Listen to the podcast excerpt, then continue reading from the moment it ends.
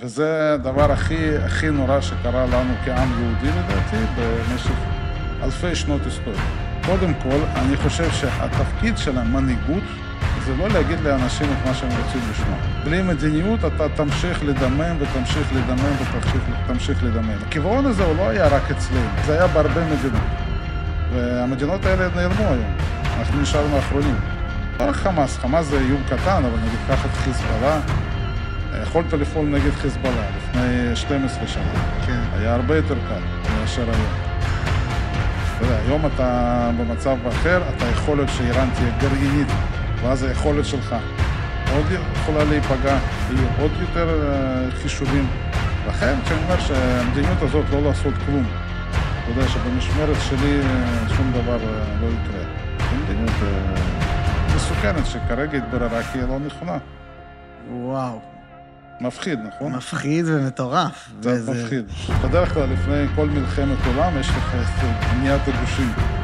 זה מה שקורה, אנחנו רואים את זה בהיסטוריה לא פעם אחת, ואנחנו רואים לגמרי חזרה על אותם סממנים. למה אני תמיד אה, מודאג? אני אומר, אנחנו הולכים באותו אב טיפוס. כן, אנחנו אומרים, בואו נדחה את זה עוד, עוד נדחה. ואז אולי משהו יקרה והכל ייפתר. אבל כרגע זה לא המצב.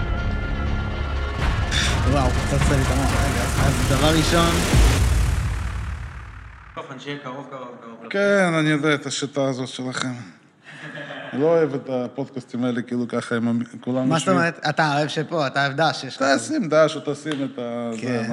זה עכשיו באופנה, אני יודע. הנה, זה... זה צריך ככה לשבת כל הזמן. בדיוק, כן, כן. טוב, האורח שלי היום הוא אלכס צייטלין.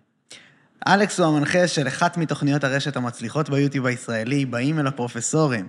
שם הוא משוחח עם הפרופסורים הגדולים והחשובים בישראל. הוא בנוסף פרשן מבריק ובעל דעות מעניינות מאוד בעצמו. מה שלומך, אלכס? איך אתה בימים אלו? מעולה. תודה, לה... אהבתי את הפתיחה. בוא עוד פעם, בוא נעשה עוד פעם. נראה, פעם הבאה אני אעשה לך משהו קצת אחר. תן לי להתבשם, להתבשם. בדיוק. אתה מדבר עם כל ה... יש לך את הפאנל מומחים, כאילו, שאתם יושבים, ממש כל, ה... כל הגנרלים הרלוונטיים נכון. יושבים ודנים וזה. אז מה, מה אתה, אתה, אתה חושב שהתגובה הזאת של כל האנשים הבכירים וזה, כמו שצריך, הכל קורה טוב? או שלא, גם בזה אתה מאוכזב? תראה, אני אה, לא, לא רוצה להגיד לך שאני מומחה שמבין יותר טוב מאחרים. אני חושב שאף אחד היום לא, לא יודע בדיוק איך צריך להגיב, וגם אה, צריך לקבל את זה. כי במצבים האלה אנחנו, אף אחד לא יודע, כן? בואו נתחיל מזה. לא אני, לא אלוף בריק ולא רמטכ"ל הרצל הלוי, כן? לאף אחד אין מושג אה, אין מה אבל, לעשות. אין אבל איזה אמת שאפשר להגיע אליה ביחד, אם כולם מתאמצים, אפשר לגלות מה נכון? אני אגיד לך, מה ש... אני לא יודע מה יהיה בעתיד, כן? זה באמת צריך לשאול את פסיג, הוא עושה את זה יפה, הוא יודע לנתח את העתיד, אני יותר מתמחה בעבר.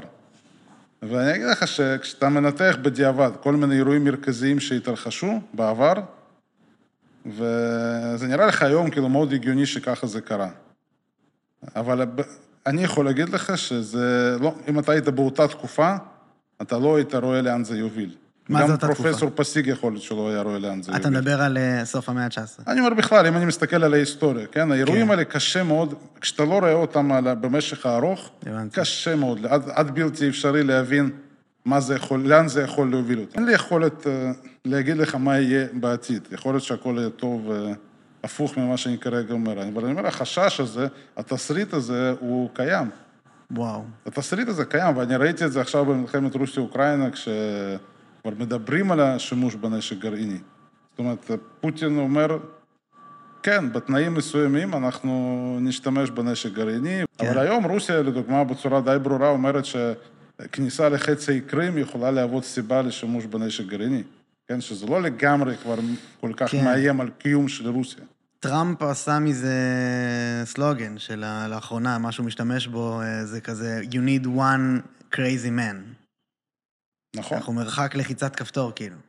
נכון, וזה קיים, מה שקורה אצלנו פה. גם, אני לא רוצה לנבא מה יכול לקרות, אבל אנחנו רואים איראן שמתקדמת לגרעין, או שכבר יש לה גרעין. אה, אנחנו כנראה יש לנו גרעין, כן, לפי פרסומים זרים. ו... ואלה רק סכסוכים הקטנים האלה, כן, שאנחנו סכסוך יחסית קטן, שיכול להיות תמונה יותר גדולה במלחמת עולם שלישית, שהיא כבר... יכולה להתחיל להתגלגל. תראה, אני אה, חשבתי, עוד פעם, כשזה התחיל, כתבתי כבר אצלי בערוץ הטלגרם וגם במדיות אחרות, שישראל יכולה להגיב רק בצורה מהירה לאירוע הזה. וכל ניסיון להיגרר לפעולה ארוכה היא לא, לדעתי, אני לא רואה איך זה יכול לעזור יותר מדי. Mm. כי זה די ברור היה מה יקרה, כן? זאת אומרת, יש לך חלון הזדמנויות הוא די קצר. אתה, העולם זוכר, הדברים שהעולם זוכר הם דברים תמיד קצרים. כן, לנו נראה אירוע כזה ייזכר שנים, ברור שבאופן כללי הוא ייזכר, אבל העולם רואה תמונות, והוא יכול לתת לך הצדקה איזושהי לפעול במצב המיידי. כשאתה מתחיל כבר היום, אנחנו כבר כמה חודשים אחרי אירוע, וכל העולם רואה את התמונות של ההרס שיש בעזה, אז די ברור שהוא יגיע למסקנה שאנחנו מגזימים, וזה היה ברור לי מההתחלה. לכן אני אמרתי, התגובה יכולה להיות רק מהירה, קצרה, ואם אנחנו עושים אותה מיד אחרי אירוע. וזה לא מה שקורה בתכלס. זה לא מה שקורה, ואנחנו כרגע יותר ויותר נכנסים לתוך האירוע הזה. אני לא יודע, אני חושב שהמלחמה, כשאתה מנהל אותה בלי מדיניות, היא במקרים נדירים יכולה לה- להביא לאיזשהו ניצחון. לאורך אה, ניצחון, שאתה באמת מגדיר מה זה ניצחון. כן? זהו. גם שאלה אתה מאמין. שזה אפשרי, מה שהם אומרים, לח- לחסל את החמאס? תראה, אני חושב שאתה צריך שתהיה לך מדיניות. מה, זה, מה זאת אומרת שתהיה לך מדיניות? קודם כל, כשאתה מפעיל כוח, אתה לא יכול רק להפעיל כוח. כוח זה, כמו שאמר קלאוזביץ', זה המשך של מדיניות, רק באמצעים אחרים. אם אין לך מדיניות, אז סתם להרוג אנשים לא מוביל אה, תמיד לתוצאה, כן? כמה שזה לא נשמע נשמע לא נורא. טוב, כן. אנחנו רוצים לנקום, אבל עוד פעם, בסדר, אנחנו יכולים לנקום. השאלה היא מה המדיניות. ופה אתה יכול להשוות עם, אה, עוד פעם, אני מביא לך השוואות, כן, אבל זה חשוב, כי זה מראה לנו, על הדוגמאות האלה אנחנו לומדים. ותיקח את פוטין. כן, כולם אומרים שפוטין משתמש בכוח, הרס גדול מאוד כשצריך.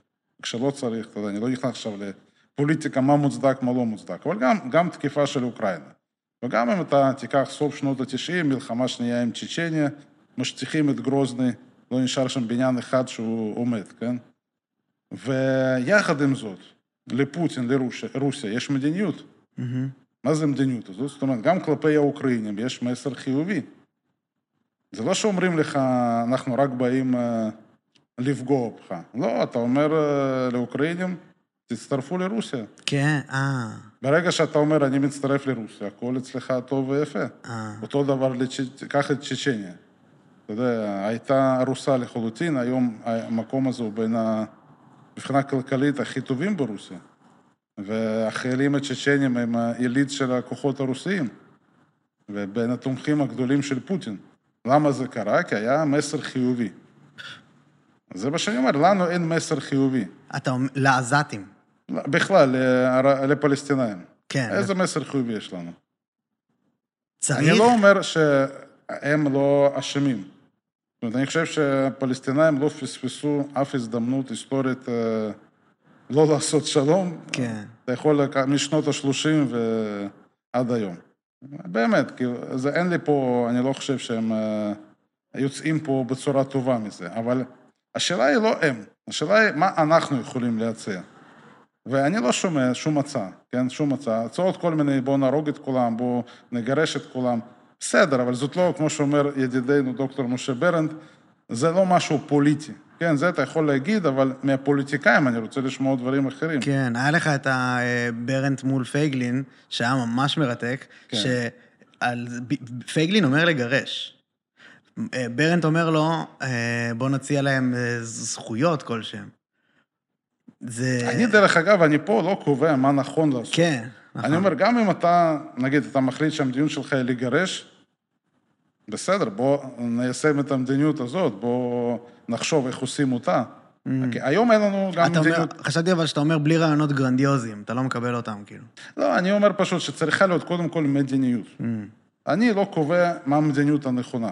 אני אומר, יכולה להיות להפוך אותם אזרחים שווי זכויות במדינה אחת ולבנות איזו רפובליקה, כמו שאומר ברנד, ויכול להיות גם פתרון שפייגלין אומר, בואו, לא יודע, נגרום להם אה, לעזוב. הגירה מרצון. הגירה מרצון, זאת אומרת, דברים קיצוניים, כן? כן. שונים, אבל זה לא משנה כרגע, אני לא בא כרגע לקדם איזושהי אג'נדה הבנתי. ולהגיד, הפתרון שלי הוא א'. לא. אבל אבל אתה אומר, תציעו משהו חיובי. אני אומר שאתה חייב מדיניות. כשיש לך מדיניות, אתה יכול להיכשל בה. למה אין? אני חושב בגלל הפופוליזם שהשתלט עלינו. וזה הדבר הכי, הכי נורא שקרה לנו כעם יהודי, לדעתי, במשך אלפי שנות היסטוריה.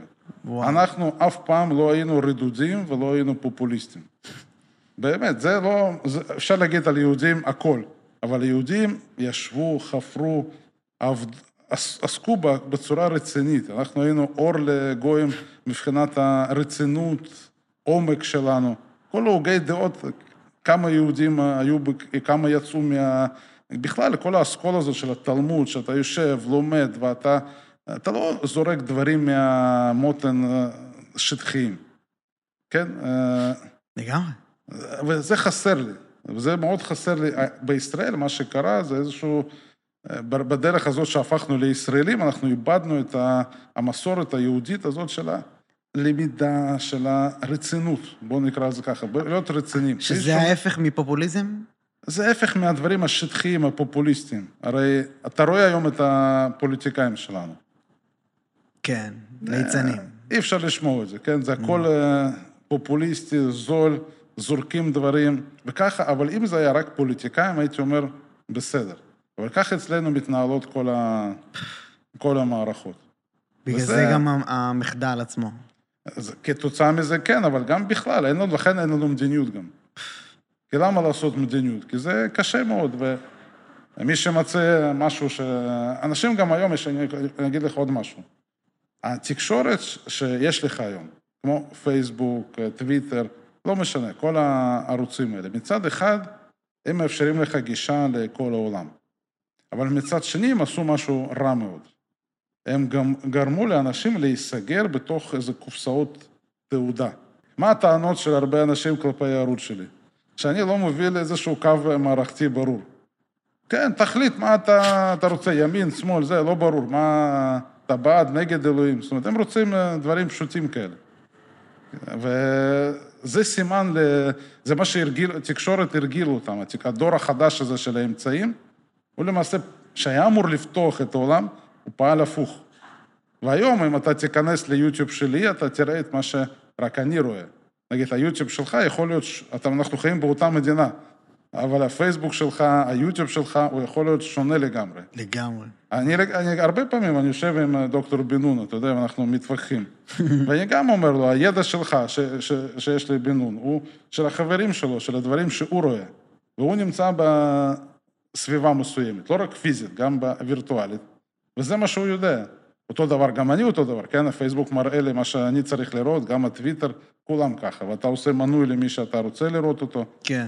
וזה יצר לדעתי משהו מאוד מוזר. במקום פתיחות, אנשים עכשיו מקבלים מה שהם רוצים. ואתה, איך אתה, אתה אומר שזה הדבר הכי גרוע שרואים עכשיו סביב השביעי בעשירי, בהקשר שגם התקשורת יותר מיינסטרים? לא, זה, זה גורם פשוט לחוסר היכולת אה, של יכול- אנשים כבר, מה שאמרת על המדיניות. כן, והם אפילו מתעצבנים, הם לא, אנשים כבר לא מוכנים היום לשמוע משהו שהם לא Mm. רוצים לשמוע. למה אני צריך אה, לשמוע אותו אם אני יכול לשמוע את מישהו שאני מסכים איתו? כן. אני חושב שצריך להיות הפוך. זאת אומרת, אותי תמיד עניין לדבר עם אנשים שאני לא מבין אותם, שאני לא מסכים איתם, אבל זה מעניין, נגיד, אני לפעמים לא חושב את מה שחושב פרופסור זנט. לא בכל הנושאים, דרך אגב, אני ממליץ לך לראיין אותו. לדעתי, כן, בן אדם מרתק. לגמרי. אבל אני נהנה לשמוע ולנסות להבין, אולי הוא צודק, אני לא יודע. אתה יודע, אני לא מקבל, באופ... אני לא אומר באופן אוטומטי, לא יודע, אני לא, לא רוצה להתייחס, לא מצא חן בעיניי, אני לא... ברור, אתה ברור. צריך לשמוע את מה שאתה לא רוצה. מאיזה מקום אבל אתה אומר את זה? כי עולה לי גם העניין פשוט של ה... ככה אפשר לפתור את הבעיה שנוצרת בקרע בישראל וכאלה, בשיחות מורכבות בין הצדדים. ועוד דבר שאתה אמרת על הקטע של המדיניות, שכאילו, אנחנו לא מצליחים כמדינה, כי יש לנו ליצנים בכנסת וב... הליצנים בכנסת הם רק ההשתקפות של החברה שלנו. אה, כן. ואני לא, אני ממש לא רוצה להגיד שיש לנו איזה פוליטיקאים טובים, רעים, והעם הוא מעולה. Mm. ממש לא. כן. ממשלה זה מה שמגיע, לכל עם מגיע את הממשלה, הממשלה שלו וגם פוליטיקה שלו. דרך אגב, זה לא רק בארץ, זאת היום תופעה כלל עולמית. נכון. אתה יודע, בכל מיני מקומות זה לא בצורה חמורה. באוקראינה, הראש, מי שמנהל שם את המלחמה כרגע זה קומיקאי לשעבר. נכון, נכון, והם נפלו עליו דווקא טוב. כן, זאת אומרת, הוא היה לגמרי פופוליסט, כן. אבל ברגע המשבר הוא דווקא הסתבר כמישהו שהוא בן אדם רציני. מעניין. אחרי חזות של קומיקאי, כן. הסתתר שם באמת מנהיג. אני... אבל זה, זה מזל. לגמרי. אז מה אה, מתוך הדברים, כל השיחות שאתה מנהל כרגע, כי גם אתה, אתה ממש מסיבי, אתה, אתה נותן המון המון תכנים, כמעט כל יום, אה, ואתה עושה המון המון שיחות, ומה אתה חושב שהדרך הנכונה לייצר מדיניות, כמו שאמרת? שמה שאין. קודם כל, אני חושב שהתפקיד של המנהיגות זה לא להגיד לאנשים את מה שהם רוצים לשמוע. ואנחנו, אתה יודע, אתה תפתח כל ערוץ טלוויזיה, כל פוליטיקאי יגיד לך מה שאתה רוצה למצוא. אנחנו ננצח, נמוטט את חמאס, כל מיני דברים כאלה, שאני לא נגד זה. אני אומר שהפוליטיקאים אכן צריכים לדעת לדבר על האנשים ולגרום לאנשים ללכת אחריהם. כן, אני לא מזלזל בזה, אני לא אומר שאתה צריך לשדר כל יום, אנחנו נפסיד ואנחנו... זהו, כן. עבדנו. זה... לא, צריך אתה... להראות כריזמה וחזון. כריזמה, לגמרי, כן. כמו שצ'רצ'ל עשה. כן. כן, גם צ'רצ'ל, אתה לא חושב... צ'רצ'ל לא היה שונה בהרבה מהמנהיגים שלנו גם. כמה כן. שאנחנו לא אה, חושבים עליו. אה, צ'רצ'יל עלה לאחר מחדל של מישהו אחר. עלה לאחר מחדל, גם הוא, כשהוא דיבר, אנחנו נגן על ה... כן. בכל מקום, וגם בקולומיה, ונילחם והכול, אבל במקביל הם בנו דרך לברוח מאנגליה, אם הגרמנים ייכנסו. הכל, אה, בואו ניקח... לגמרי, כן. זה לא, גם הוא לא היה שונה הרבה מהפוליטיקאים, אבל הוא דיבר נכון, כי הוא היה צריך לארגן את העם. כן. לכן אני לא נגד שהפוליטיקאים ידברו ויעודדו, ובמיוחד כשיש לך מלחמה, אתה צריך לעודד אנשים, וניצחון משיגים כשאתה אופטימי, כן? כשאתה כן. פסימי אתה לא משיג ניצחון. אבל בשביל להגיע לניצחון, אתה צריך להבין מה אתה רוצה. אבל זה לא כזה קצת, ממילא הם עומדים להתנהג כמו שהם מתנהגים, וצריך לנצח איתם או בלעדיהם. כאילו, אני שואל בהקשר, כאזרחים, אנחנו, מה עומד להיות פה, לדעתך? מתוך הדברים האלה שזה, לא, לא בקטע חיזוי עתיד, מה אתה לומד מתוך כל המפגשים שלך לאחרונה, מה נראה לך התמונה הכי נכונה? כי אני לא בטוח שאני בכלל רואה נכון את התמונה. תראה, אני אגיד לך שהמערכות כאלה, כמו, לא יודע, מערכת צבאית שלנו, מערכת פוליטית, לדעתי כן השתנו אה, בעקבות האירועים האלה. Mm. אבל מה שאני מאוד פוחד, כמו חשש שלי, שאנחנו עוד פעם נלך בדרך הפופוליסטית, כן? זאת אומרת, בואו נעשה ועדת חקירה. אתה יודע, mm. ועדת חקירה זו דרך הכי גרועה לגרום לאיזשהו שינוי חיובי. כי מה, מה עושה ועדת חקירה? היא מוצאת את האשמים. זה לא חשוב? לא. למה לא? אני חושב שזה הדבר האחרון שהוא חשוב. כי המערכ, המערכות אצלנו פועלות ככה, שזה הביא לשביעי לאוקטובר. זה היה קורה אם אה, חליבה, אם במקום חליבה היה אלוף אחר. אני לא אומר שאין משמעות לבן אדם ספציפי ולהחלטות ספציפיות, כן? ראינו בהיסטוריה שהחלטה לפעמים שינתה הרבה מאוד דברים, לכן אני לא מזלזל בזה. אבל עדיין אני אומר ש... המערכות האלה היו פועלות ככה, כי ככה הן מתוכננות לפעול. כן? ואם אתה חושב שאמ"ן יכול להפיק מסקנות ולפעול בצורה אחרת, אני לא חושב שזה, שזה אפשרי. כן? אנחנו חשבנו אחרי ה-73, שכרגע זה יהיה אחרת לגמרי.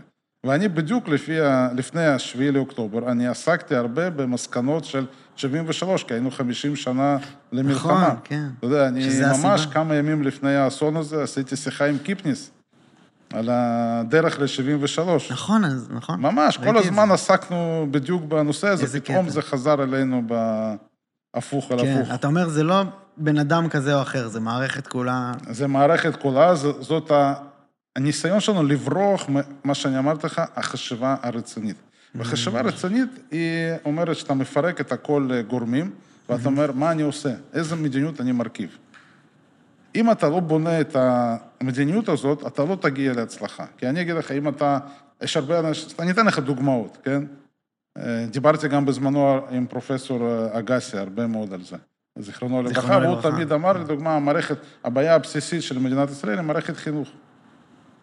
אם יש לך כרגע מערכת חינוך שהיא מפוצלת, והיא מגדלת, באופ... כמו מפעל שמייצר מוצר, היא מגדלת אנשים שונים. אתה יכול לבנות חברה אחת? אלה סיסמאות שאין להן שום uh, תוקף. כן. וזה לא איזה, um, צריך להיות גאון וצריך תיאוריה מתמטית בשביל לבנות uh, ישראלי. כן, נגיד, הבת שלי נולדה בארץ, הלכה לבית ספר ישראלי, הפכה לישראלית. כן, ואני עליתי מחו"ל ואני לא הייתי ישראלי, אבל הבת שלי כבר ישראלית, כן? זה לוקח דור. כן. אבל אם היו שמים את הבת שלי בבית ספר, אני לא יודע, רוסי, והיו מגדלים אותה, אפילו פה בתל אביב, אבל מגדלים אותה כמישהי אחרת, כן? שלומדת בשפה אחרת, שלומדת ערכים אחרים. היא לא הייתה גדלה גם עוד עשר דורות. כן. היא וצאצאים שלה היו נשארים שונים. נכון, אבל הקטע ש... שמה שאמרת על, הש...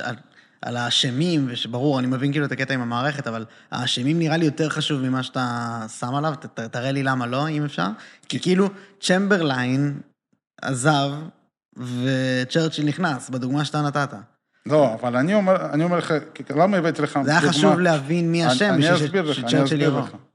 לא, זה, זה היה משהו אחר. לבריטניה, אבל סליחה, סליחה, לפני שאני עובר לבריטניה, בואו נסיים עם מערכת חינוך. למה אני מביא את הדוגמה הזאת? כן. כי אני אומר, ברגע שיש לך, זה המצב היום בארץ, שיש לנו מערכות חינוך שונות.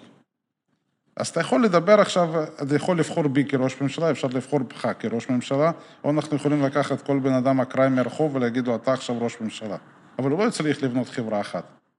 הוא יכול להגיד סיסמאות עד מחר, אבל כשיש לך מספר מערכות חינוך נפרדות, לא תהיה חברה אחת. ואז אפשר להאשים אותי ולהגיד, אלכס, אתה היית עשר שנים ראש ממשלה, לא גרמת לאיחוד העם. Mm. ברור שאני לא יכול לגרום לאיחוד העם אם אנחנו מייצרים סוגים שונים של אנשים שהם ערכים שונים לגמרי, שמדברים שפות שונות. כן. אז אה, מי, מי אשם? אני אשם כראש ממשלה, או שאין לנו מערכת חינוך אה, אחת. אבל למה זה רלוונטי למחדל כזה גדול? אני אפילו לא משוכנע שאנחנו מנצחים, כאילו, את המלחמה. לא, זה שאנחנו לא מנצחים את המלחמה זה נושא, בוא, בוא נרד עכשיו, אתה רוצה לרדת לרמה טקטית, אפשר. נגיד, אם אנחנו עוד פעם משווים עם בריטניה, אתה אמרת צ'מברלין וצ'רצ'יל. לצ'מברלין הייתה מדיניות, mm-hmm. שהסתברה כלא נכונה, בדיוק. אבל זאת מדיניות. פעם אחרונה שלישראל הייתה איזושהי מדיניות, הייתה מלחמת לבנון הראשונה, כשניסו להחליף את השלטון בלבנון אולי. מדיניות חוץ איזושהי, כן, שהיא לא הצליחה, אבל אה, עוד פעם, אי הצלחה זה לא אומר ש...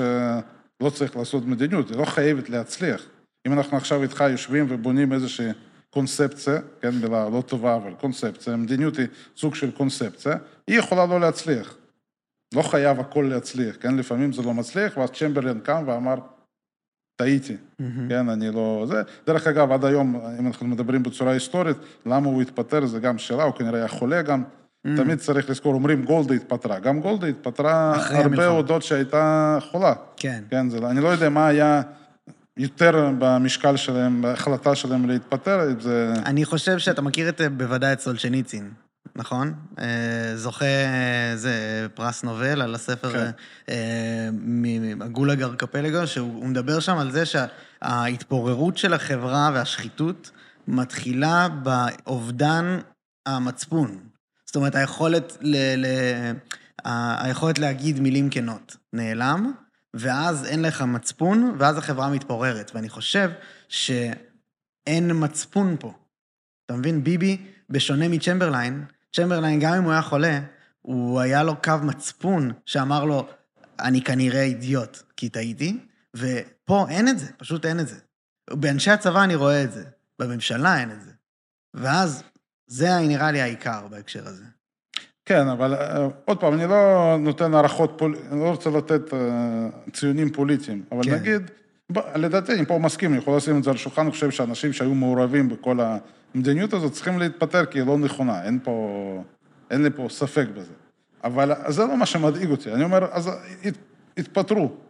זה שאתה תחליף אלוף אחד באלוף אחר, זה לא יעזור לך. כן? עוד פעם, מה שאני אמרתי לך בדוגמה של חינוך, אם תשים אותי, אותך או מישהו אחר, אתה לא תוכל לבנות פה חברה אם אין לך מערכת חינוך. נכון. זה לא תלוי רק בראש ממשלה, זה מדיניות. נגיד לדוגמה, מה שמשה ברנט אה, יוצא נגד זה, כן? אני חושב זה גרם לזה שהיינו באיזשהו קיבעון.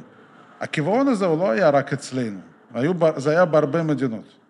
והמדינות האלה נעלמו היום, אנחנו נשארנו האחרונים. קח את דרום אפריקה, דרום רודזיה, כן, כל המדינות האלה נעלמו. הם גם, להם היה פחד מזה שצריך לעשות שינויים, הם משכו. כן, משכו כמה שאפשר למשוך. וואו. ואנחנו, לדעתי, הולכים פה, למה אני תמיד אה, מודאג? אני אומר, אנחנו הולכים באותו אב טיפוס. כן, אנחנו אומרים, בואו נדחה את זה עוד, עוד נדחה, ואז אולי משהו יקרה והכל ייפתר. מה, מה... שדרך אגב, זה יכול להיות נכון, אם העולם פתאום משתנה. כן, בצורה שאנחנו כרגע עוד לא, לא יודעים להגיד, אבל יכול להיות שינוי גיאופוליטי בעולם שישנה את הכל, ואז אה, גם מיקום שלנו בתוך העולם הזה ישתנה. אבל כרגע זה לא המצב.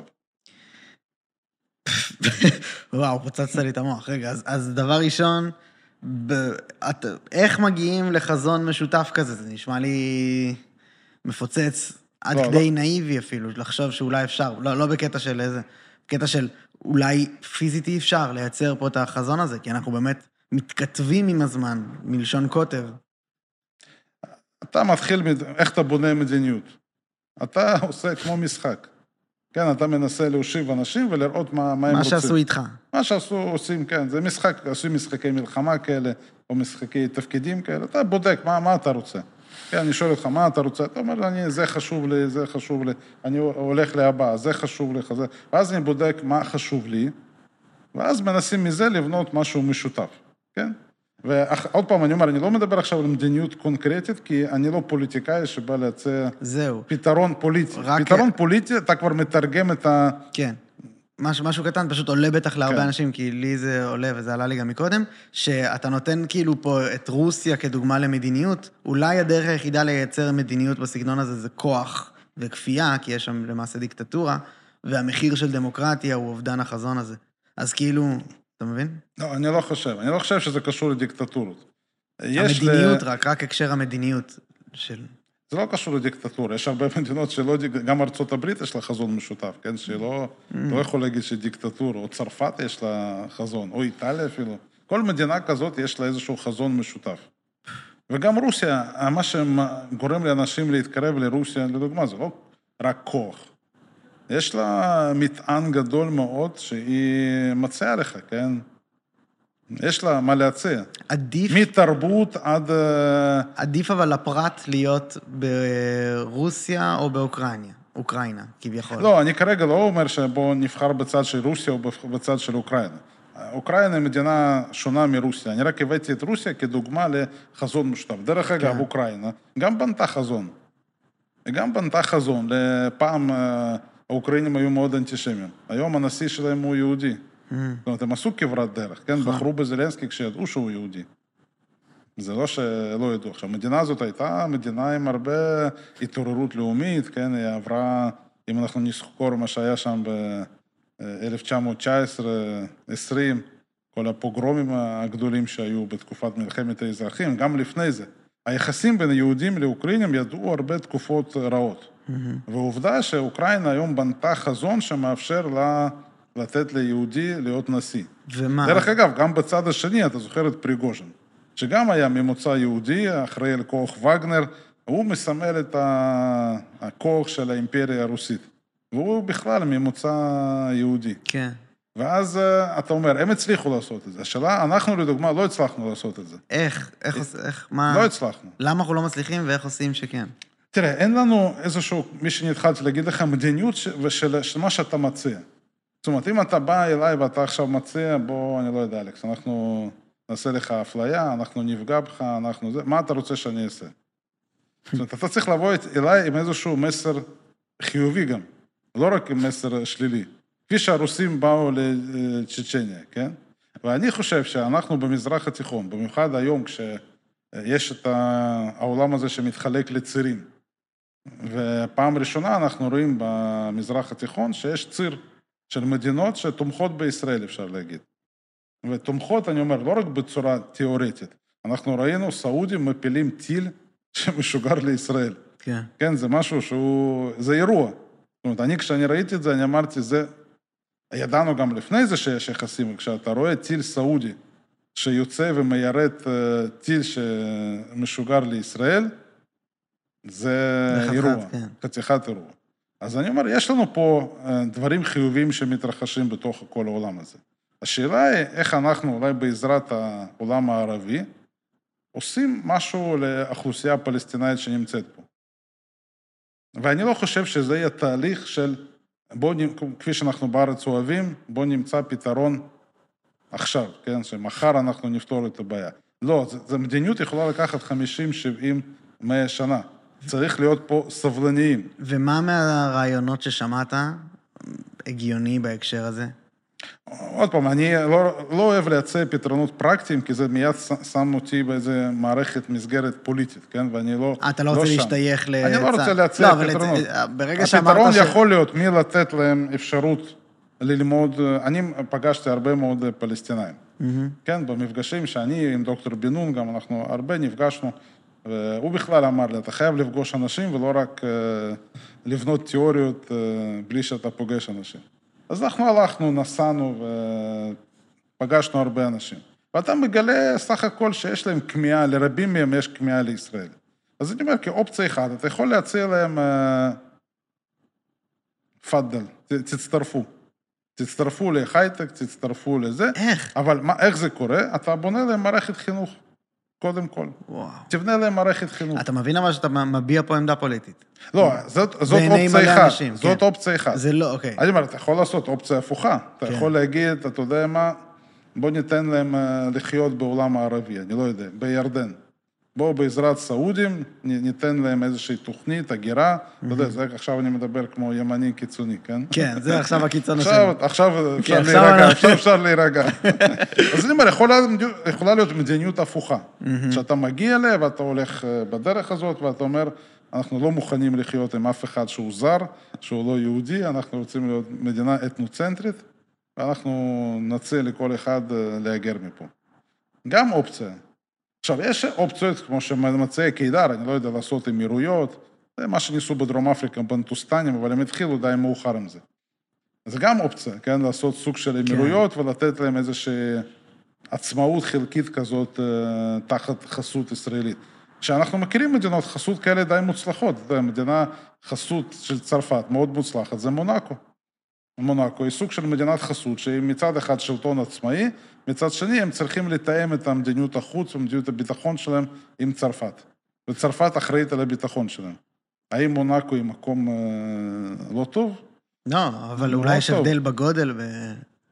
בסדר, אני נותן דוגמה, אבל כן. שיש מדינות כאלה שהן אה, כן. לא לגמרי עצמאיות, ודרך אגב, היום רוב המדינות באיחוד האירופאי, הם איבדו הרבה מסממני עצמאות. עדיין זה, זה יכול לחיות ככה. לכן כשאנחנו מדברים, בואו ניתן עצמאות לפלסטינאים, המילה עצמאות יכול להיות לה הרבה משמעויות, כן? זה גם מדיניות שמה אתה כולל בזה. אבל אני אישית, אם אתה שואל נטיות שלי, אני לא הייתי הולך על החלוקה של הארץ. אני לא חושב שזאת דרך יעילה פה לחלק לעוד מדינות. ואני גם לא חושב שפלסטינאים היו מוכנים למדינה. אם אתה תדבר עם רוב פלסטינאים, יגידו לך, מדינה לא פתרון טוב. כמה שלא מנסים לדחוף אותם ל... תקימו לפ- מדינה, הם. מבינים כבר שזה לא יביא אותם למקום טוב.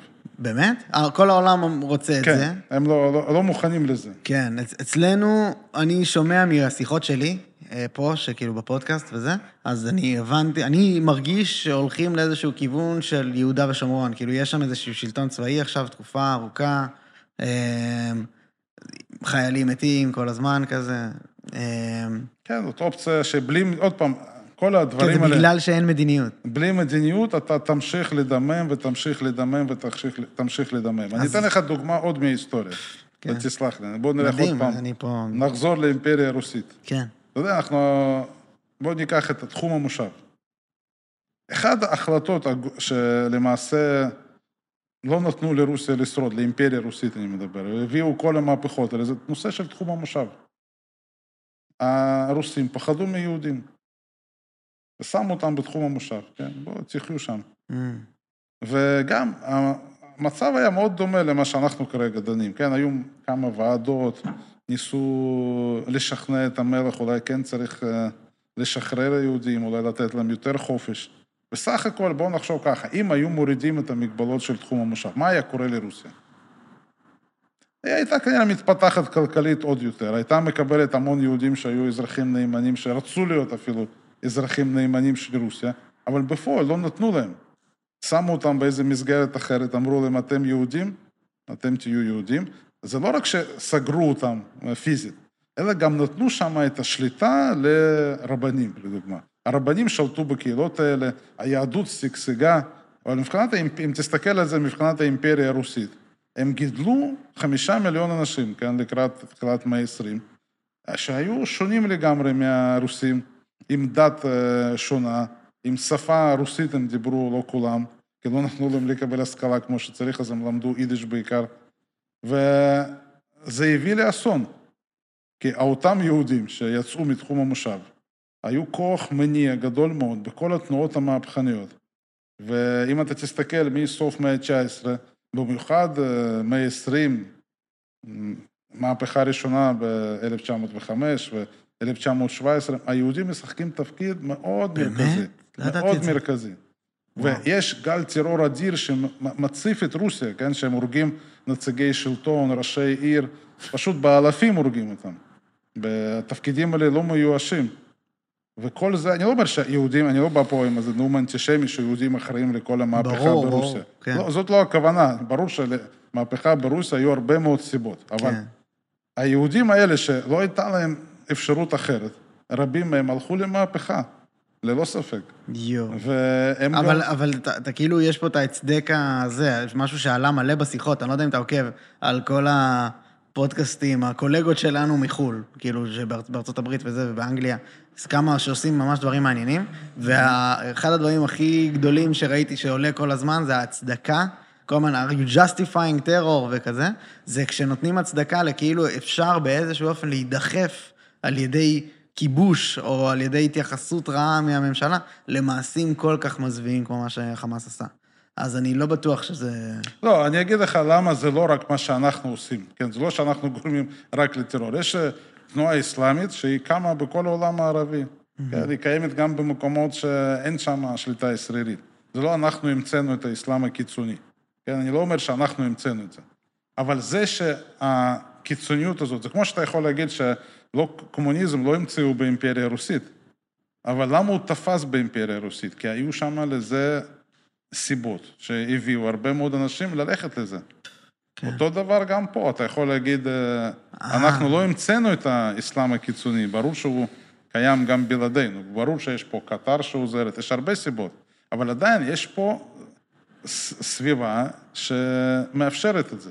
שזה החוסר מדיניות. שזה חוסר מדיניות שלנו. ברגע אז... שאנחנו משאירים מקום כזה נורא ריק, ברגע שאתה חי עם זה שמלמדים לידך ילדים אה, כל מיני אגדות אנטישמיות, במשך שנים, גם היום, אתה יודע, בית ספר פלסטיני מלמדים יהודים דברים שלימדו, שהוציאו אה, אנשים אנטישמיים ברוסיה, כן, כל מיני אגדות.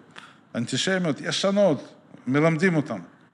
מכניסים להם לתודעה שיהודים זה יצורים אה, רעים, כן, שהם רוצים להשמיד את העולם. איזה יצורים שטניים. עכשיו, אתה מודע שזה קיים. אני מודע שזה קיים. כולנו יודעים שזה קיים. لا, למה לא? ידענו גם לפני 7 לאוקטובר. כן, אז נכון, למה? נכון, אבל אמרנו, בסדר, נו, מה... בסדר. אז זאת הסביבה שאתה יוצר, ואז אחר כך אתה מתפלא שיש פה אה, טרור. כן. ואני אומר, זה לא... טרור נכנס איפה שיש לו מקום. אפשרות להיכנס, כן. איפה שיש לו אפשרות. ופה זה... כמובן שאני לא מוריד פה את העניין של הדת. דת זה נושא... זהו, אתה אבל רק עכשיו הפרדת לי את זה בראש פעם ראשונה. שיש כאילו, הדת היא מגפה, הדת הקיצונית שמייצרת אנשים שמוכנים לעשות טרור, היא מגפה שתוקפת מערכת חיסון חלשה, שזה נכון. מה שקורה. ואוקיי, ולמה כאילו, המדיניות שאתה, שאתה חושב שאני מסכים, שאין לנו וצריך לייצר, זה בעצם מה לעשות עם עזה? כאילו? זה... זה לא רק עזה, אני חושב שזה אנחנו והעולם הערבי, וזה אנחנו והפלסטינאים. שאלה נושאים שהם כמובן קשורים, אבל לא... לא ואין לא מדיניות? הקונספציה, מה שדיברת מקודם, היה כאילו אפשר לנהל את זה. אתה אומר, לשים כן. סוף לסכסוך. אם אני מבין את המדיניות של הממשלות שלנו בזמן ה... ב-30, 20, 30 שנה האחרונות, אני יכול לסכם אותה שזה... הכוונה הייתה בוא נחיה, והדברים איכשהו ייפתרו. Hmm. זאת המדיניות, שבו לא נעשה כרגע כלום. דרך אגב, מדיניות כזאת, יש לה מקום, אם אתה חושב שכפי שאומר פרופסור פסיג, הוקטור הולך לטובתך. עכשיו, מה זה וקטור שהולך לטובתי? אני לא יודע, העולם פתאום משתנה והופך להיות אה, ימני, שמרני, אני לא יודע, טראמפ בארצות הברית, אה, כוחות קיצוניים עולים לשלטון בגרמניה, באוסטריה, בצרפת. העולם משתנה, כן? פתאום במקום הליברליזם אנחנו אומרים איזה כזה סוג של חזרה לפשיזם של סוף שנות ה-20, ואני מדבר על פשיזם במובן החיובי. אני לא מדבר עכשיו על הנאצים. לאומיות. נאצים, גרמניה, כן, מילה פשיזם יש לה, היום כמובן ברור, בצדק, ברור. יש לה מאוד אה, שלילי, אבל אני מדבר על מדינות חזקות כאלה, כן, כן. זה חזרה ל... בואו לא נדבר על הפשיסטים, נדבר אולי אפילו על פרטו, על כאלה פילוסופים שהיו בתחילת המאה ושדיברו על השלטון המדינה, האליטות. יכול להיות שזה יקרה, ואז אה, יכול להיות שהמקום של ישראל ישתנה בעולם, ואז אנחנו נוכל אה, לאפשר לעשות, להפעיל יותר אלימות אה, כלפי ה... זה יהיה יותר נסבל בעיני העולם. השאלה היא אבל בינינו, האם להפעיל יותר אלימות, התקווה של כולם, שאומרים בואו נפעיל יותר אלימות, האם זה יפתור את כל הבעיות? אתה שואל אותי? כן, אני לא יודע, אני אומר, נגיד, הפעילו אלימות נגד יהודים באימפריה הרוסית, האם זה עזר לאימפריה הרוסית אה, לא. לשרוד? לא. לא, ב- ברור שככה מייצרים עוד דור של טרוריסטים, וברור שאלימות מייצרת עוד אלימות וכאלה, כל ה... זה, אבל יש כן את אה, אליהו יוסיאן, שמגיע אליך הרבה, אולי בתקופה האחרונה פחות, בן אדם עמוס מאוד, אבל אה, הוא מדבר על כאילו, במזרח התיכון תתנהג כמו שצריך, כמו שראוי למזרח התיכון. וזה פשוט עניין של עצם הפגנת הכוח מראה שאתה לא צריך להתעסק איתך, בשונה מלהביא פתרון. אתה מבין? נכון, אני מסכים איתך, אבל אז עוד פעם, השיטה, השאלה היא, מה אתה, לאן אתה רוצה להגיע? הרי אם אתה בונה רק על כוח, אתה בסופו של דבר תיפול. כל מדינה שהיא בונה על כוח, היא נדונה לכישלון. כן. אתה יודע, פרופסור אגסי אמר, אין בעולם מדינות שיכולות להתקיים בלי שיש להן תמיכה. גם דיקטטורה הכי קשה, חשוב לה שתהיה לה תמיכה. גם פוטין היום ברוסיה, כמה שאין לו כוח ואימה, ואנשים היום פוחדים, אנשים ברוסיה היום פשוט פוחדים לדבר. זה לא אומר שאין לו תמיכה, שהוא לא משקיע במדיניות ובתעמולה. אין דבר כזה שאתה רק באימה אתה מחזיק אה, אנשים. אתה יכול לעשות את זה לתקופה מאוד מוגבלת. אפילו סטלין ידע שיש מגבלות לכוח וצריך לתת אה, אה, מדיניות, זה לא רק כוח. לכן אני אומר, אם אתה בונה, כל התוכנית שלך היא בוא נפעיל כוח, ואז בוא נפעיל עוד יותר כוח, אתה בסופו של דבר תפסיד. כי אה, לא לעולם, אה, אתה יודע, חוסן. כן. אתה לא יכול לחיות רק על, על חרב. לכן אתה צריך מדיניות. אני אבל לא אומר שאתה צריך להיות באיזה שהן אשליות.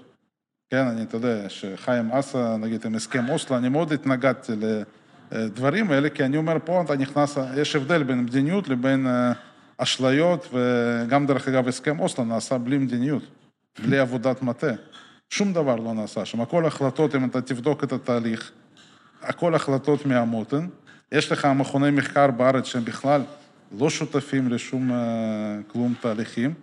אה, כל ההכנות האלה, אלה אנשים פרטיים שאין להם שום רקע, שאתה לוקח אותם, אומר, אתה תכין לי הסכם ככה, אתה תכין לי ככה, זה הכל גם סוג של חוסר מדיניות מוחלט. זה גם שאתה לא מפעיל שום דבר, אתה, אה, אין לך מדיניות, אז אתה מגיע לאיזה הסכמים כאלה, שאתה אחר כך מתפלא למה זה לא עובד. אז ו- מה עושים? רגע, אז כאילו באמת, ה- ה- ה- זה זה נכון גם לפנים וגם חוץ. אתה ממש, אתה אומר דברים שאני ממש כאילו לא יכול שלא להיות פסימי אחרי שאני שומע אותם, כאילו שאנחנו עתידים ליפול כמדינה. לא, אתה לא צריך להיות פוסים. אני חושב שאנחנו לא צריכים להיות... אה, אני לא רוצה לדבר ברדידות, ואני יכול לזרוק סיסמאות פה, אנחנו ננצח ואנחנו חזקים. ואני, עוד פעם, אני לא חושב שחשוב שיהיו אנשים שיגידו גם דברים שהם אה, מרימים רוח. כן. אני גם לא, המטרה שלי לא להוריד לכולם ולהגיד אנחנו הולכים אה, לאבדון. אני לא יודע, כן, אני לא, באמת, אנחנו לא יודעים לאן אנחנו הולכים, כי המערכת פתוחה כזאת, קשה מאוד לדעת לאן זה יוביל. יכול להיות שפסיק צודק ואנחנו נגיע דווקא יותר, נצא מחוזקים מהדברים האלה. מה שכן, אני יודע שהרבה אנשים אומרים, גם בריק וגם אחרים, שאי אפשר להגיד על 7 לאוקטובר שזה היה איזה אירוע מוצלח, כן? אבל אני חושב שזה שזה קרה, גרם לנו עכשיו להתפכח מהמם. לפני שזה מאוחר מדי. כי אם זה היה קורה בצורה אחרת, ובמקום אה, רק עזה היינו מקבלים גם אה, בצפון, וגם איראן הייתה מצטרפת לזה, כן. ואולי גם מצרים, לך תדע מה היה יוצא מכל הדבר הזה. לכן זה שאנחנו היום התפכחנו זה דווקא טוב. מה שאני פוחד, אני פוחד שאנחנו נקבל החלטות פופוליסטיות. ומה זה החלטות פופוליסטיות? אלה ההחלטות הכי פשוטות, כן, בואו, יש לנו עכשיו, סתם אני אומר מספר, כן, לא... שבאל-ג'זירה לא יצטטו אותי, 500 טנקים, מחר יהיה לנו 1,500 טנקים. זה פתרון הכי קל. ואז אתה אומר, אני פתרתי את הבעיה. הנה, היו חסרו לנו טנקים, הנה יש טנקים, אה. יש עכשיו יותר תותחים, עשינו יותר תותחים. הגדר הזאת לא עמדה, בנינו עכשיו גדר פי שלוש יותר אה, רצינית, עם... אה, אתה יודע, זה, אלה הדברים שאני פוחד מהם. אני לא אומר שלא צריך לשפר ברמה טקטית את ה, זה שצה"ל לא מוכן, זה שאין לו תחמושת, אני לא אומר שלא צריך לתקן את זה. אבל אלה דברים טקטיים שאתה צריך עוד פעם לראות אותם נקודתית, ואם צריך לשפר, אז לשפר. אבל אני רוצה לראות קודם כל מדיניות. והמדיניות הזאת לא צריכה להיות משהו סודי. זה לא משהו שאתה אתה אומר, מה, אני לא יכול... לא, אני רוצה שראש ממשלה, לא משנה איזה, מי שלא יהיה, יצא ויגיד, זאת המדיניות שלנו, זה מה שאנחנו רוצים לעשות. ואלה דברים שכולנו צריכים להבין, זה לא משהו בחדרי חדרים, כי אנחנו תמיד חושבים, אתה יודע, אנחנו כנראה איתך לא יודעים, אבל מישהו שם יודע, נכון? אה, כן. זה ככה נראה לו, כן, גם בטח החיילים שישבו רק- ליד עזה, הם אמרו, אנחנו כנראה לא מבינים משהו, אבל בטח אה, מישהו יודע מה, מה צריך כן, לעשות. שרשרת הפיקוד, אה, ברור. כן. אבל אה, זה לא מה שכאילו, שהמטרה שאומרים, שזה לחסל את החמאס ולהחזיר את החטופים. זה כאילו המטרות של המבצע, של המלחמה. תראה, קודם כל זה טוב שאומרים לפחות, אה, שאנחנו משהו אומרים, כי בסבבים ה... לפני זה אנחנו בכלל, אה, לא, לא היה ברור למה אנחנו נכנסים לעזה, כן? נכון. פה לפחות אני רוצה לתת להם קצת גם בדיוק. פידבק חיובי, אומרים משהו, כן? בואו נחסל את החמאס. אני, עוד פעם, זה לא משנה, אפשר לעשות את זה, אי אפשר לעשות את זה. אני מרוצה שלפחות אומרים לי, אנחנו שמים את זה כמטרה. אנחנו נראה אם אפשר להשיג אותה או אי אפשר להשיג אותה, אבל יש מטרה פעם ראשונה בהרבה מאוד שנים. שזה יכול להיות שינוי. מעוצמת האירוע שהיה. לכן אני לא, לא רוצה סתם לבקר ולנגח בלי לתת משהו חיובי. כן. אבל uh, עדיין אני חושב שיש פחד מהחלטות קשות. כן, יש פחד להגיד לאנשים דברים, uh, אני לא יודע, שאנחנו לא רוצים לשמוע. כמו מה? כמו, לא יודע, מה להציע לפלסטינאים? אנחנו לא יכולים להציע, למה אנחנו לא יכולים להציע שום תוכנית? כי אנחנו פוחדים מהתגובה פה בפנים. וואו. למה ראש ממשלה לא יכול לעשות את זה? לא בגלל שאין לו תוכנית, כן. לא בגלל שהוא מטומטם, זה גם עולה לי עכשיו תוך כדי כשאתה מדבר. שהוא ש- פוחד. אתה, אתה, בעצם זה שאתה אומר שצריך להציע פתרון, אנחנו איבדנו קהל, כאילו. כן, הנה, עכשיו הלכו כן. עשר אלף צופים. ממש. כן, זה זה, כי אומרים, לא, אני אה, לא מה זה רוצה לדבר איתם? אסור לדבר איתם. כן, כן, כן, כן, בואו לא נעשה שום דבר. וזה מסוכן, כשאתה אומר, אני לא רוצה לעשות שום דבר, לא רוצה לחשוב אפילו על זה. זה מסוכן. עכשיו, כל ראש ממשלה יפחד לעשות את זה, כי זה Mm. כאילו אה, נושא שלא קל להתעסק איתו. עכשיו, אני מקווה שהאירועים האלה של 7 לאוקטובר יגרמו לחשוב. אבל עוד פעם, אני לא אומר שפתרון צריך להיות, אה, בואו עכשיו אה, ניתן הכל לפלסטינאים. אולי פתרון הפוך, אולי בואו אה, נחליט שאנחנו לא יכולים לחיות איתם ביחד ונחליט, כל החלטה, כי לא משנה מה. רק החלטה. רק ההחלטה. עכשיו, אנחנו לא רוצים לעשות את זה מפופוליזם שאנחנו רגילים אליו. יואו. זה בעיה. כמובן, גם אנחנו צריכים לזכור שישראל היא לא מדינה לגמרי עצמאית. כן, גם בזירה הגיאופוליטית. ברור שלא, מלחמת עולם שלישית, אנחנו כן. לא עצמאים, אנחנו כנראה גם אה, לא נוכל להיות עצמאים. מהמם. זה גם די ברור, וגם מדינות גדולות לא יכולות לבד לנהל מלחמות. לא לכולם זה ברור. קח את אוקראינה. גם אוקראינה, מדינה גדולה עם הרבה משאבים, עם תעשייה צבאית, דרך אגב, שקיימת אצלה עוד מימי ברית המועצות, מהמם. היא לא יכולה לבד. היא לא יכולה לנצח במלחמה כוללת לבד. לכן אנחנו חלק מהגוש, ואנחנו גם נצטרך אה, לפעול לפי, לפי זה. דבר איתי על הגושים של אה, מה שקורה כרגע, הלוח שחמט העולמי שנוצר לנו עם איראן ורוסיה וארצות הברית. כן, תראה, לפני, אה, בדרך כלל לפני כל מלחמת עולם יש לך את אה, בניית הגושים. זה מה שקורה, אנחנו ראינו את זה בהיסטוריה לא פעם אחת. אתה, אנחנו רואים לגמרי חזרה על אותם סממנים, כן? אתה יכול לראות איך המדינות מסתדרות בגושים. דרך אגב, גם במלחמת העולם הראשונה, המקום הזה שכל מדינה תפסה בכל גוש, זה לא היה כזה ברור מההתחלה. אה, סתם אני אתן לך דוגמה, זה שאוסטרו-הונגריה תילחם ברוסיה, זה לא היה כזה מובן. כן, לאוסטרו-הונגריה היו יחסים אה, מורכבים עם רוסיה, בהרבה מקרים רוסיה, אימפריה רוסית הצילה את, אה, את אוסטריה, כן? קח את מרד ההונגריה באמצע המאה ה-19, בלי כוחות רוסים, האימפריה הייתה כבר קורסת אז. Mm-hmm. אז זה לא כזה, נגיד, אני ראיתי את הדוחות של המודיעין הרוסי, הם כל הזמן גם חשבו להבין האם אוסטריה תצא נגדם, לא תצא נגדם. שלא לדבר שקייזר ומלך היו קרובי משפחה, הייתה... זאת אומרת, היו פה, זה הכל מורכב, זה, גם עכשיו זה נראה לנו שזה מורכב, תמיד היה מורכב, כן? זה לא... ההסתדרות הזאת בצירים לוקחת תמיד זמן עד שהמדינות מתארגנות. גם דרך אגב, רוסיה ואיראן. זה לא איזה סיפור אהבה קל שתמיד היה על השולחן, אבל תוך כדי עכשיו האירועים, תוך כדי מלחמה של רוסיה עם אוקראינה, שהמערב תומך באוקראינה, ואז רוסיה נאלצת לפנות, ואז לאט לאט נבנה הציר הזה, כן? כמו שאתה יכול במלחמת העולם השנייה, יפן. היא לא הייתה כל כך, לא היה כל כך ברור שיפן תצטרף דווקא לגרמניה ותחליט ככה להתנגד, להתנגד, להתנגד, או שתיקח את המשא ומתן שהיה בין ברית המועצות לבין גרמניה, על הצטרפות של ברית המועצות למדינות הציר. אם המשא ומתן הזה היה די רציני, אם הוא היה נגיד מצליח, רוסיה בכלל, ברית המועצות, הייתה חלק מהמדינות הציר. וזה נפל כי רוסיה דרשה אה, שטחים באירופה ולא בהודו שהציעו לגרמנים, mm-hmm. והם רצו את הנפט הרומני, וגרמניה הבינה שקצת זה יותר מדי רוסיה דורשת, ועדיף לה אה, לפעול נגדה בצורה צבאית. כן. אבל תחשוב אם זה היה אחרת, זה היה הופך את כל הצירים שאנחנו היום מכירים, כן? איזה מטורף. במלחמת העולם השנייה. אז מה, מה, אז מה, גם היום, הצירים האלה רואים, עכשיו, כן, איך... אם איך... אנחנו רואים, אנחנו רואים היום הצירים האלה מת, מת, מתהווים, רוצים, מי שרוצה, מי שלא רוצה, אבל מדינות מסתדרות. כן, לדוגמה, קח את ישראל. ישראל מאוד לא רצתה לתפוס את המקום שלה בציר. אנחנו עשינו פה כל הזמן קולות כאלה שאנחנו, יש לנו מדיניות שונה, אנחנו עצמאיים, אנחנו נלך באיזה דרך שלישית. ואז נהיה גם עם המערב וגם עם רוסיה, עשינו כל מיני עסקאות עם פוטין מתחת לשולחן, שיחקנו את ה... כזה, אנחנו מנהלים מדיניות. פוליטיקאים. פוליט... סוג כן. של פוליטיקה עצמאית. כן. אנחנו רואים, היום אנחנו נאלצנו להסתדר בציר. נכון. לא בעל כורחנו, כן? כי פשוט אה, זה הכל מאוד אה, ברור הופך.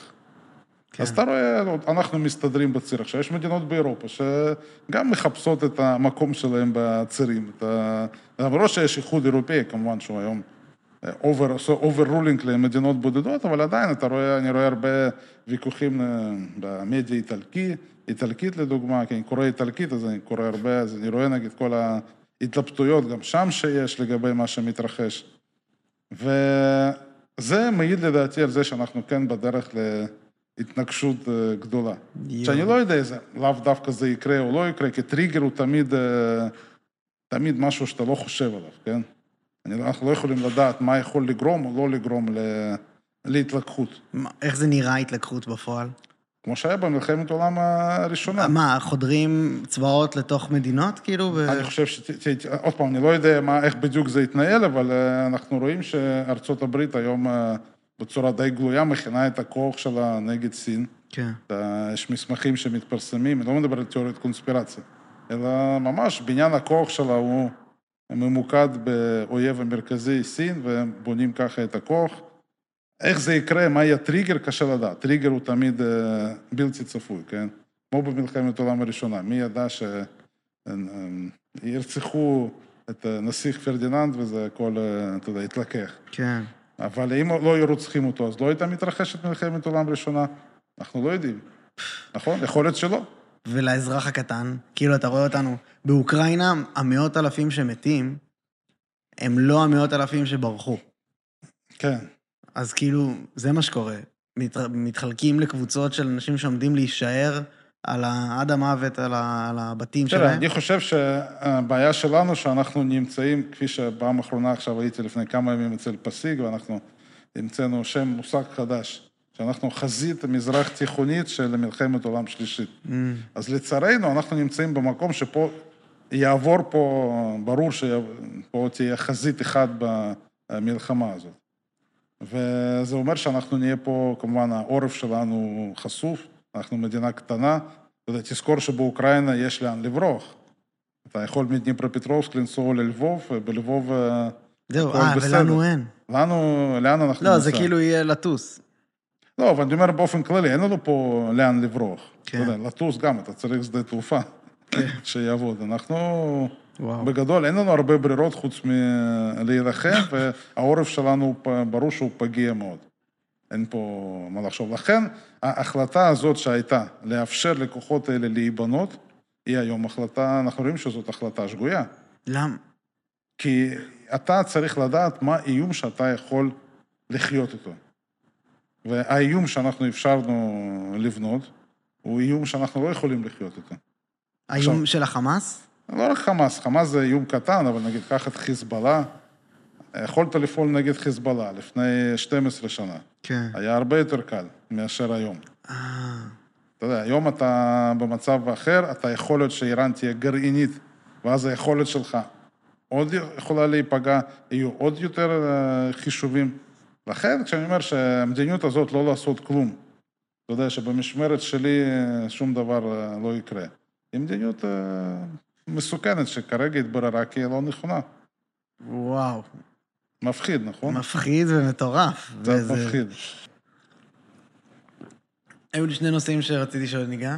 אה, כזה, אתה גם, כמובן, אמרת שאתה לא משתייך למפלג... לקו פוליטי בשום צורה וזה. האם אתה חושב שזה הדרך, כאילו, אני, אני עם הפודקאסט שלי נורא חשוף לקרע בעם דרך התגובות ודברים ששולחים לי וזה. האם זה הדרך, השיחות האלה? תראה, אני עוד, אני לא חושב ש... לא יודע, אני, אתה ועוד אה, 100 אינפלואנסרים יכולים לשנות את העולם. אני לא... אין לי יומרות כאלה גם, אני גם לא חושב שזה אפשרי. אני חושב שאנחנו כן צריכים ליצור איזושהי סביבה שמאפשרת וגם מרגילה אנשים לשמוע דעות שונות. אז אני רוצה להגיע לבן אדם שהוא יגיד, וואלה, אני לא, לא שמעתי שיש דברים כאלה. אולי הוא יגיד, אני לא מסכים, כן, אני נמצא באזור, עדיין, כולנו אוהבים להיות באזור הנוחות שלנו. גם לך יש אזור הנוחות, גם לי יש אזור הנוחות, וזה טבעי. אבל לפעמים אתה רוצה לדגדג את האזור הנוחות הזה, ואני רוצה שמישהו יגיד, וואלה, זה מעניין אותי, אני רוצה לשמוע את זה. אולי, אתה יודע, זה מעורר כבר משהו, זה מרגיל אותך אולי גם לצאת ולחפש משהו אחר ממה שאתה רגיל לראות. כן. להבין משהו אחר, ואני לא יודע אם אתה תמיד תצא עם איזו אידיאולוגיה חדשה וזה ישנה לך את העולם והכל ישתנה, אני לא יודע, אבל לתת לזה מקום כזה, להראות שאפשר אחרת. דבר שני, אני רוצה, אני חושב שגם אתה עושה את זה בצורה מעולה, ואני גם מברך אותך על הצטרפות לזירת התוכן בעברית. כן. אני חושב שזו שיחה רצינית, זאת אומרת, לדבר עם אנשים בצורה רצינית, כפי שאנחנו עכשיו איתך מדברים. לא בטלוויזיה שתי דקות... כן, אה, מנסים להוציא כותרת טובה. בוא, בוא תגיד, שתי, יש לך שתי דקות כן. להגיד. אני אוהב לבוא לטלוויזיה, אתה יודע, אני תקופה הייתי גם בערוץ 14, הרבה מדבר. גם עכשיו הייתי לא מזמן בטלוויזיה, דיברתי על אוליגרכים ופוטין. אבל זה לא פשוט לדבר כשיש לך כן. זמן מאוד מוגבל לנסות אה, לפתוח נושא. לכן אני חושב שמה שאנחנו מביאים זה קצת עומק. אני לא חושב שאני מחליף את האוניברסיטה, ועדיין כנראה שתהיה עבודה אחרי הפודקאסטים שלנו, תהיה עבודה גם לאוניברסיטאות. אני חושב שהם המתחרים היחידים שלנו. אולי אצלך בבאים אלה פרופסורים, אולי ספציפית יותר, כן. אבל אתה מחליף את הטלוויזיה, את ה- את הערוצים, את ה... את הערוצים אני חושב שלגמרי. לא את הנטפליקס, אבל את הערוצים. ערוצים, כן. כן. אני, אני חושב ש... אה, קודם כל, מה שאנחנו עושים זה בידור. כן, כן. זה סוג שצריך להבין. אנחנו לא עושים פה מדע, אנחנו לא... אנחנו עושים בידור. כן. בידור, אתה יכול להגיד בידור אינטלקטואלי, זה בסדר, אבל זה עדיין, אנשים, הדבר הכי, אתה יודע, שאנשים רוצים זה לאכול, ואחרי שהם אוכלים, הם רוצים שיהיה להם מעניין. הם רוצים משהו, זה צורך שלנו גם, דיברנו על האבולוציה, כן. זה מה שהאבולוציה ככה בנתה אותה, יש לנו סקרנות, אנחנו רוצים משהו. אנחנו לא יכולים לשבת ולחכות למנת אוכל הבא בלי שאנחנו עושים כלום. ואז אנחנו עושים סוג של אה, בידור, בידור אינטלקטואלי, וזה שאם אנשים בוחרים במקום אה, סתם לראות איזה פאנל אה, בטלוויזיה שלא נותן להם כלום, כן. לראות איזושהי שיחה, לא משנה על מה. אבל זה אפילו אולי, אולי קצת מקטין את זה. אולי, האם יש לך שליחות כלשהי, או איזשהו מסר שאתה יכול להכניס בתוך זה? או... תראה, אני פוחד מהמילים הגבוהות האלה, אני לא יודע, שליחות, ו... בואו נתייחס לעצמנו קצת בצניעות. אני חושב שאנחנו עושים בדיוק מה שאני אמרתי, בידור, אתה יכול להגיד בידור אינטלקטואלי, וגם אם יש לך פרופסור פינקלשטיין, או פרופסור קנול, או פרופסור, לא יודע, אבי שגיא, שמעבירים דברים מאוד רציניים, עדיין אנשים נהנים מהתוכן הזה, זה סוג של אה, בידור כזה. אבל אני רואה את ה-comment section אצלך, ואני רואה דברים ששולחים לי, וכזה, אנשים ממש לוקחים את זה מעבר לבידור. הם לוקחים את זה גם ממש ככאילו אה, אלטרנטיבה... כן, תשמע, אני כרגע דווקא, לא רק, עכשיו התחלתי, אבל אני, אני כן עושה גם לאנשים שרוצים יותר להתעמק, סוג של סדרות. כן, כן, נכון. זאת אומרת, אני לוקח, עכשיו עשינו עם... מבינים אסלאם. מבינים אסלאם. או עכשיו עם ישי רוזנצבי, ספרות חז"ל. כן. ששם אני באמת, אני אומר, אני הולך על הסוג של חומר כזה שהוא אוניברסיטאי כזה, אולי לא עמוק יותר מדי, כי מי שרוצה להתעמק עדיין כדאי לו ללכת לאוניברסיטה, אבל כן, בדרך לעבודה אתה יכול לשמוע היום ארבע פרקים על ספרות חז"ל, שמי שמעביר אותם גם זה ראש החוג לתלמוד וספרות יהודית באוניברסיטת תל אביב, כן, פרופסור ישי רוזן-צבי, זאת אומרת, זה חומר ממקור...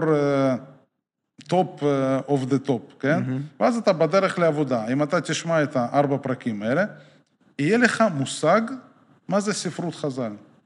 אתה תדע מה זה משנה, תוספתא, מה השוני ביניהם.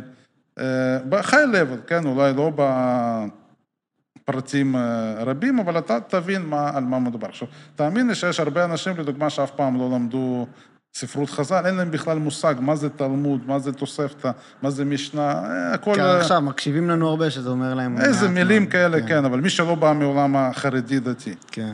וגם אם אתה הולך בכיוון ההפוך, אתה יכול לקחת מישהו ש... אני, אני רואה פשוט כמה אנשים מעולם החרדי, פשוט צמאים גם לראות חקר מקרא, להבין פתאום אה, אה, מה הייתה ההיסטוריה של עם כן, ישראל, נכון. במה האמינו אנשים. הרבה חרדים. וזה סקרנות, כן, זה לה... סקרנות. ממש. זה גם מה שנגיד, אה, הנושא שאני הכי אוהב, זה חקר מקרא וארכיאולוגיה. כי זה דבר שמעורר הכי הרבה סקרנות. פינקלשטיין.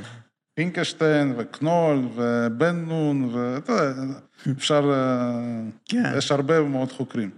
וכך, כשאתה הולך לאתרים כאלה, ואתה אה, בא ואתה רואה את האתר, נגיד, כמו שאני הלכתי עם פרופסור אוסישקין ללכיש.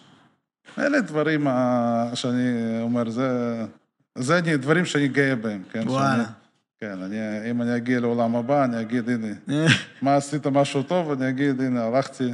פה עם פרופסור פינקשטיין למגידו, עם מוסישקין הלכתי ללכיש, ועוד, עוד, עם, עם הפרופסור שהתחלתי איתו את כל הסדרה הזאת, גר, גרפינקל. ופרופסור גרפינקל, שאיתו אני התחלתי בכלל, הוא היה הראשון שאני הקלטתי אותו. וזה כן משהו שאני כן, גאה בו, כי אני חושב שזה הידע שאנחנו מביאים, הוא באמת עושה שירות של אה, העשרה לאנשים, ואני, כן, אני חושב שזה... חשוב. דרך אגב, גם בנושאים הצבאיים, אם אני מביא מומחים, כן, זה גם לדעתי תורם. ממש. כן. אבל... אלה הנושאים שאני מאוד אוהב, זה... ואני חושב שמה שקיים אצלי ואצלך ואצל רובנו, זה סקרנות. כן. הרי מה אנחנו הכי היינו רוצים שתהיה איזה מכונת זמן, ונוכל עכשיו להגיע לירושלים לפני שלושת אלפים שנה. כן, ובוא לראות מה... נכון, זה הרי היינו משלמים כמה, כמה כסף שיש לנו, היינו משלמים, תן לי עשר דקות, זה ככה מכונת זמן אה, להגיע לשם. כן. ומה שאני עושה, נגיד, שאני הולך לאיזה אתר חפירה ארכיאולוגית, זה הכי קרוב לזה שאני היום יכול להגיע באמצעים הטכנולוגיים עד שהמציאו את אה, מכונת הזמן. כן. וחלק מהפרופסורים שאני מדבר איתם, הם ממש, תשים לב, אפילו פרופסור פינקלשטיין, מאוד... uh, מפורסם בכל העולם, וכשאתה מדבר איתו, אתה שומע את ה... כאילו שהוא היה שם. הרי הוא מספר לך על עולם קדום, כאילו שאתה אומר, וואלה, הוא היה שם, והוא יודע לספר לי איך זה היה. אני לא אומר שהוא ואחרים הם צודקים במאה אחוז, ברור שאין לנו מידע מלא על העולם העתיק, ויש לנו לפעמים שברי מידע, ושאר אנחנו משלימים בעזרת אה, תיאוריות, כן, שאנחנו בונים על בסיס נתונים. כן. וצריך הכל לקחת בערבון מוגבל, אבל עדיין זה סוג של אה, הצצה במכונת זמן לעולם העתיק. במיוחד אם אתה מגיע לאתר ארכיאולוגיה ואתה מחזיק אה, ממש את הדברים שאתה יודע שהיו פה אנשים חיו לפני 3,000 שנה, 1,500 שנה, 2,000 שנה, והנה זה חפץ שהם השתמשו בו. כן. ואתה ממש רואה אותו, זה... אני מאוד אה, נדהם מהדברים האלה. איזה כיף לשמוע גם, אתה, טוב, אתה, כן. אתה עושה את זה גם מדהים, וטוב, אני, אנחנו לצערי הגענו לסיום, אה, והיה מרתק, ואני מניח שאנחנו נוכל לעשות עוד הרבה כאלה גם בעתיד, כי כאילו, כן, אני תמיד, אנחנו שנינו פה להישאר בתחום. אני תמיד בשמחה. וגם אני מברך אותך על ההצטרפות ל- תודה רבה. לכוחותינו. תודה רבה. טוב, אז תודה רבה לכל מי שהקשיב, תודה לאלכס, נתראה בפעמים תודה. הבאות. יס.